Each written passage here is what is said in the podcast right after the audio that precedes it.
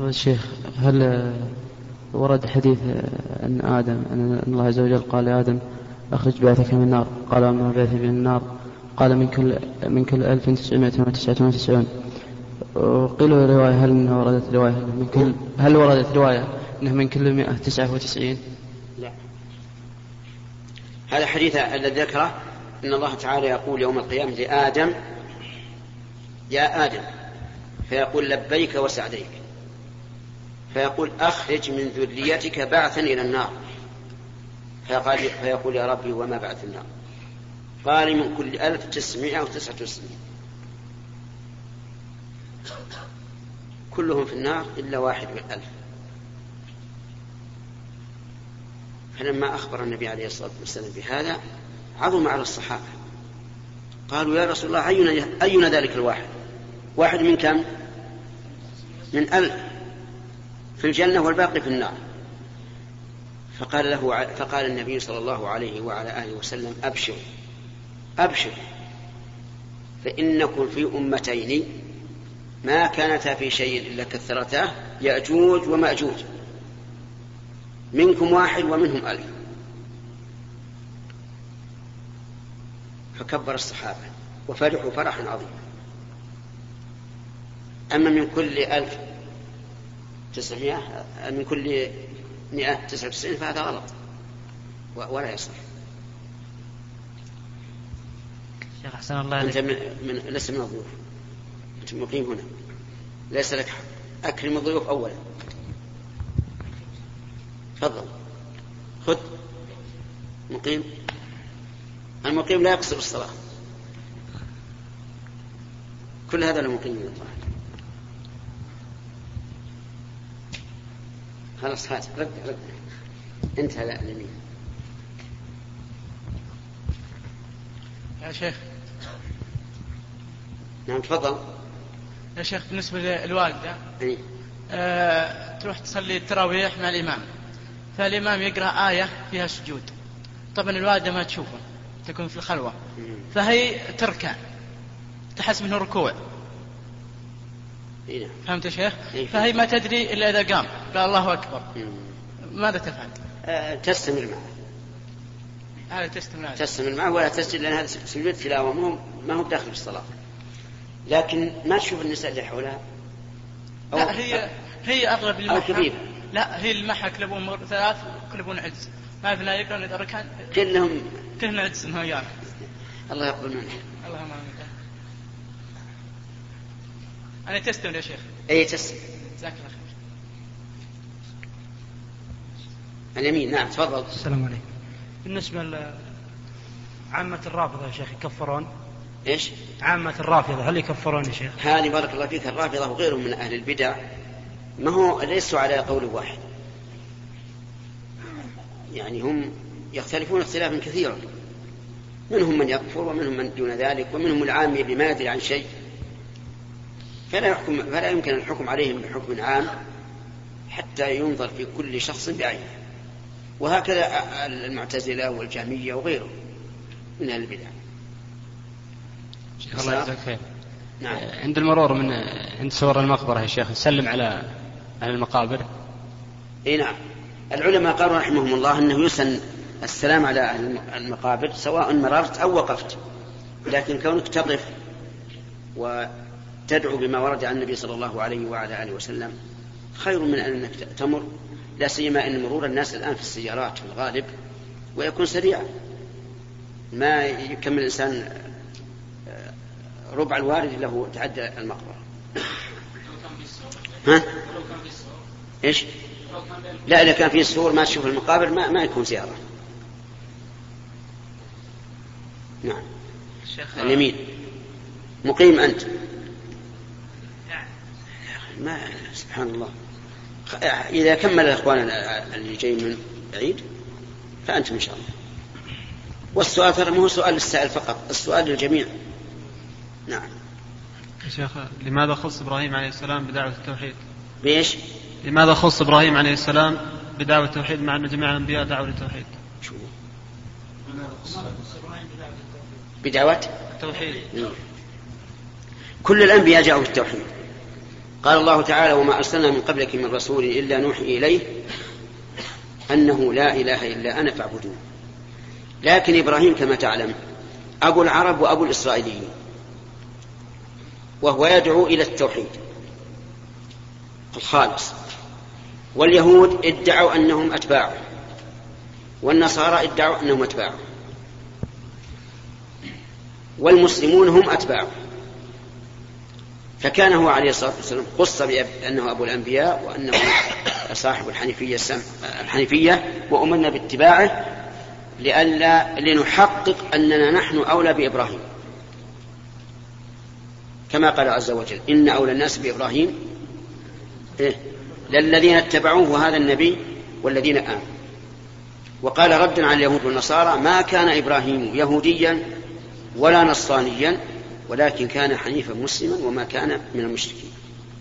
نعم. شيخ بارك الله فيك ما حكم إعطاء الحجام يا شيخ مال على الحجامة؟ قراءة على إيش؟ إعطاء الحجام مال على الحجامة.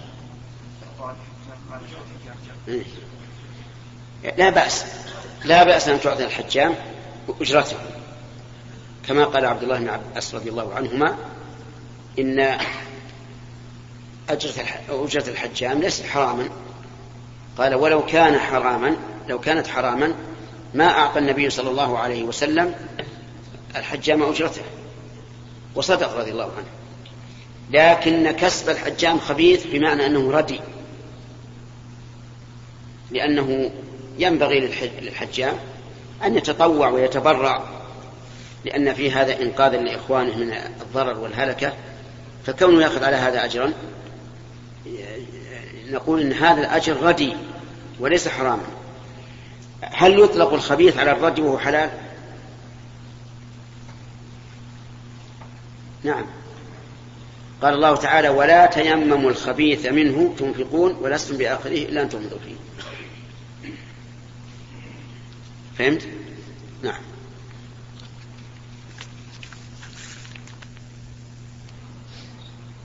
نعم. عليكم. آه عندنا في الكويت المحامي هو محامي أما أن يكون خاص أو أن يكون محامي عام. والمحامي الخاص هو أن يشتغل عادة لحساب الدولة ويعني يقوم في الدفاع عن حقوقها ومن حقوق الدولة يعني أمثلة كثيرة منها ما قد يعني يختلج في النفس من من حيث الحلال والحرام. كمثل متابعة بعض الباعة المتجولين الذي تحرم الدولة آه، من هذا النوع من التجارة. فهو يعني يقوم بدور الشخص الذي يدافع عن الدولة تجاه هذا الشخص الذي يعني يشتغل بالتجارة ولكن حرمها حرمتها السلطة. أما المحامي العام فهو يشتغل في كل الأنواع كما تعلم يعني. فنرجو يعني البيان فيما يتعلق في المحامي الخاص والمحامي العام من حيث الشريعة وعلى كل حال المحامي معناه المدافع الذي يحمي الحقوق. إذا كان بحق فلا بأس. يعني شخص له حق على آخر. ويعلم أنه محق. لكنه لا يستطيع أن يعبر. فوكل شخصا آخر أقوى منه في العبارة ليدافع عنه فهذا لا بأس به.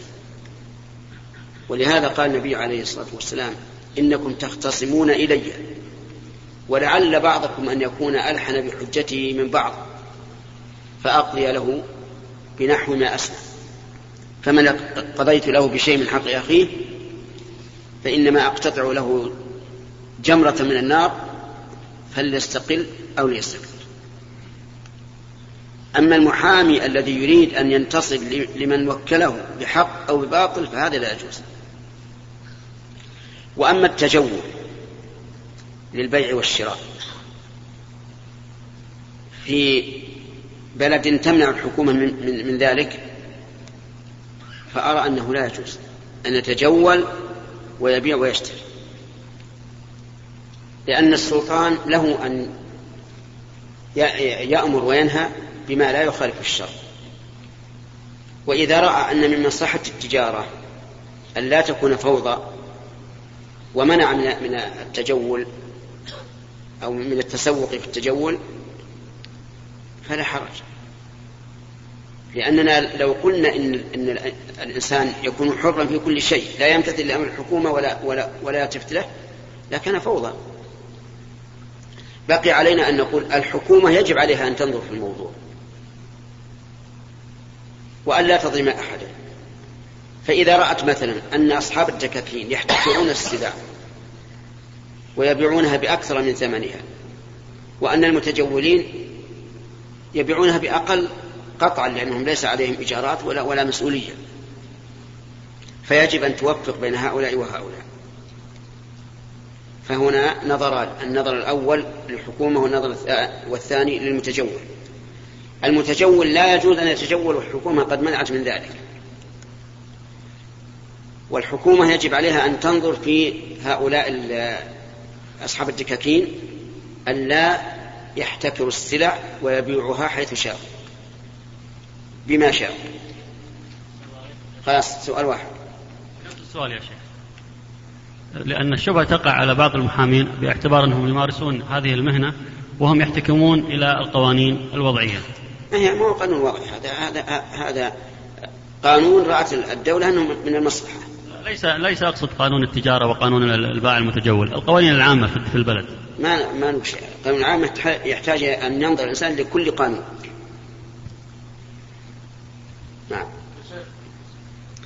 اليسار اليسار عندك عندك دور يلا تفضل. جار لي من الإسماعيلية وسلم علي. ها؟ ما معه ميكروفون؟ لا عندي. ها. جار لي من الإسماعيلية يسلم علي فهل لي أن أرد عليه السلام نعم وهل لي أن أسلم عليه برضه رد عليه السلام عاملوهم بما يعاملونكم به وادعوهم إلى الله عز وجل لأن لأن الإنسان مسؤول عن الدعوة إلى الله عز وجل والجار أحق من تدعوه إلى الله. فأنت ادعوه إلى الله إما أن تطلبه يزورك أو تزور أنت وتدعوه إلى الله عز وجل وتبين له الحق. والإنسان بفطرته مجبول على الحق. كما قال النبي عليه الصلاة والسلام كل مولود يولد على الفطرة فأبواه يهودانه أو ينصرانه أو يمجسانه. نعم. اليمين. اليمين. نعم. خذ. يا شيخ أحسن الله إليكم هذا سائل من من يعني من الحضر. يسأل يقول هل يجوز آه، تحنيط الميت وإنزاله في القبر بالتابوت؟ هذا يحصل عندهم في بعض البلاد الإسلامية. لا لا يجوز. لا يجوز أن يحنط. الميت إذا مات انتقل إلى إلى إلى الدار الآخرة. فلا يمكن أن يحاول أن يبقى بدنه وما الفائدة من بقاء بدنه ليس المقصود يا شيخ يعني أنه وربما يحنط ليبقى بدنه ويسلط الله عليه دواب ولا هوام في, في قبره ويأكل أكل. بس المقصود يا شيخ لفترة مؤقتة حتى بس يعني ينقل منه. ابدا لا يمكن إلا إذا كان هناك ضرورة. يتعفن يا شيخ إذا أبقي. كيف تعفن؟ يعني ينقل مثلا من المملكة إلى مثلا إلى بلد آخر. طيب. فإذا ما حنط يتغير. اولا لماذا ينقل إلى إلى بلد آخر؟ يعني يعني ما هي بالأرض واحدة؟ لكن بناء على طلب اهله يا شيخ. طيب حتى أهله يبلغون. يقول مو بلازم. حتى لو أوصى الإنسان أن يدفن في مكان ما, ما لا, لا يلزم أن, أن نمضي وصيته. وإنزاله في القبر بالتابوت يا شيخ. لا يجوز إلا لحاجة. إذا كان هناك حاجة بأن تكون الأرض كلها ماء نعم. هذا لا بأس. أما بدون حاجة لا. نعم. نعم أحسن الله إليك. الساق تعداك الدور. كان بالأول جاء من عندك ما اخذت نعم. هنا يا شيخ. يسار يسار. يا شيخ بارك الله فيك. ما المقصود بقوله تعالى تؤتي أكلها كل حين؟ إيش؟ ما المقصود بقوله تعالى تؤتي أكلها كل حين؟ بإذن ربها. نعم. المراد هذه الشجرة الطيبة التي أصلها ثابت وفرعها في السماء. لا لا يفوت سنة من السنوات أو وقت من الأوقات آه، يكون فيها ثمر إلا أتته. يعني تؤتي ثمر ثمرها الذي يؤكل كل حين. يعني كل حين من وقت الثمار. ما هو معنى كل حين بالليل وبالنهار كل السنة؟ لا. نعم. شيخ مات أب عن ثلاث بنات وابنين وزوجة. والزوجة لها آه، ابن وبنت من زوج آخر. ثم لحق به ابنه آه، ولم يوزع الورث. هل يسقط حق الورثة من من أبناء الأم؟ أولا الأبناء اللي من غيره ما, لهم دخل ما لهم دخل بالإرث. أبناء الزوجة من غير زوجها الذي مات ما لهم دخل في الميراث والميراث لأبنائهم الذين هم من صلبه. طيب. وابنه الذي مات إن كان له ورثة كأبناء مثلا له أبناء وزوجة فميراثه له. وإن لم يكن له أبناء وكان أولى الناس به إخوانه إخوانه فإنه له. لكن يسقط حق إخوانه من الأم ولا لا؟ الأخوان من الأم مع وجود الأبناء ما لهم شيء. هم وزعوا الورث ما وزعوا الورث عند وفاة الأب؟ اكتب هذه بوراقة وجبة للعصر إن شاء الله تعالى. أو أو غدا. غدا بنت. العصر. من الرياض أنا جاي. أي حاجة الرياض ما شاء الله العلماء فيها أكثر من الليل نعم. نعم يا شيخ. نعم. أه، بالنسبة يا شيخ لأحوال المدارس الآن وما يقع بعض الأخطاء السلوكية من الطلاب فهل المدرس أو عموما إدارة المدرسة الحق في الجلوس مع طلاب لم تظهر منهم يعني أي بوادر خطأ أو معصية؟ هل يجوز لهم الجلوس معهم والاستفسار وعن أشياء لم تبدر أصلا منهم؟ يعني من باب التأكد عن العناصر أو البحث عن العناصر المفسدة بين الطلاب. مع أنه هذا الطالب ما ظهر من شيء. فهل يجوز أسأل عن أحواله وماذا عنده وماذا وراءه وماذا؟ هذه لابد أن يكون هناك قرينة قوية توجب تهمته. فحينئذ لا بأس أن نبحث ولكن لا يكون هذا بين الطلاب لأنه إذا كان بين الطلاب يخشى أن على هذا المسؤول أن يكون بريئا فيتهمه الناس. أما إذا لم يكن إلا, إلا كلام التلاميذ بعضهم ببعض فهذا لا يقبل. يعني إذا لم يكن لأن التلاميذ تعرف كلام بعضهم بعض مشكل. هم أقران وبعضهم يحسد بعض ويتكلم فيه وهو غير صادق. يعني إذا لم يكن هناك قرين إذا لم يكن قرين لا لا, لا يستدعى. لا يجوز هذا شيء؟ نعم. أحسن الله إليك. الإسهار سابقكم الله يا شيخ. يا شيخ ما حكم قول المدينة المنورة؟ وما العلة في ذلك؟ المدينة المنورة هذا اسم حادث ما كان معروفا عند السلف. وهم يقولون إنها منورة أنها استنارت بالدين الإسلامي لأن الدين الإسلامي ينور البلاد. ولا أدري قد يكون أول من وضعها. يعتقد أنها نور إلى الآن. وأنها تنورت بوجود الرسول صلى الله عليه وسلم فيها. ما ندري عن نيته. لكن خير من هذه التسمية أن نقول المدينة النبوية. المدينة النبوية أفضل من المدينة المنورة أحسن يعني.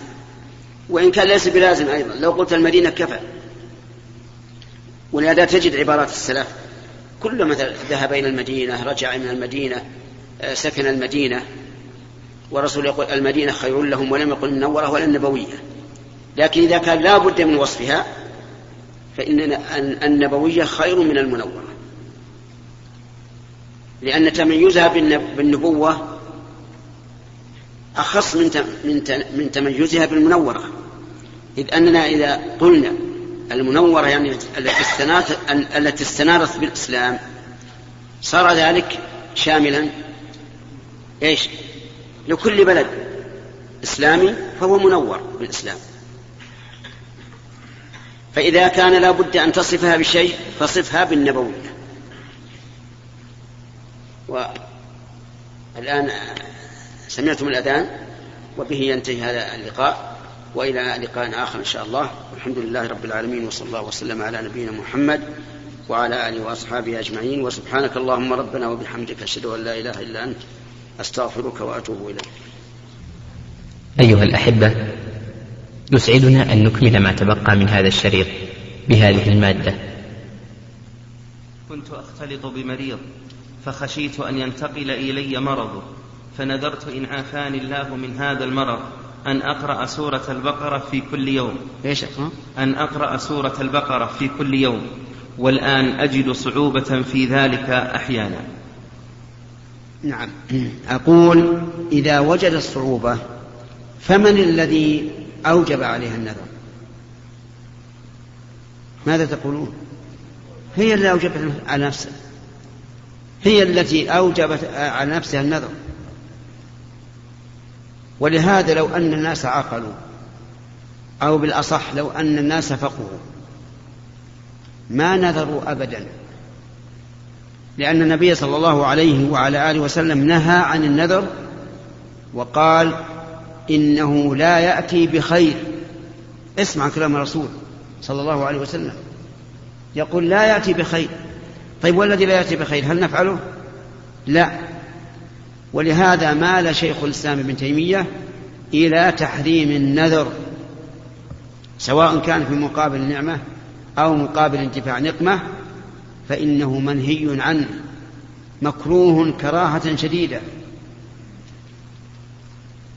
فنقول لهذه المرأة أنت الذي أوجبت على نفسك أن تقرأي البقرة كل يوم. وقراءة البقرة كل يوم ليس بصعب. يمكن تقرأ نصف جزء في أول النهار ونصف جزء عند صلاة الظهر ونصف جزء عند صلاة العصر. كم هذا؟ جزء ونصف. وتكمل بعد العصر أو أو في الضحى. فهو سهل. يعني البقرة جزءان ونصف تقريبا. يمكن أن يقرأهما القارئ في خلال ساعة إلا ربع. وهو سهل.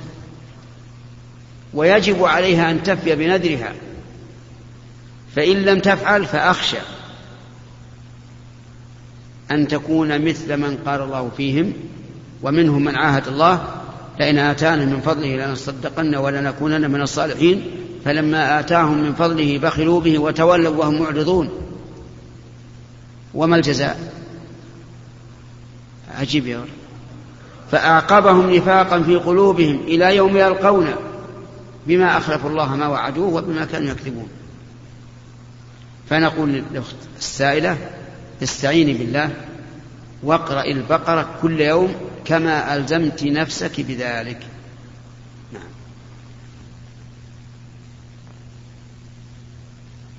أيها الإخوة في ختام هذه المادة نسأل الله أن نلقاكم في لقاءات متجددة. مع تحيات مؤسسة الاستقامة الإسلامية للإنتاج والتوزيع في عنيزة.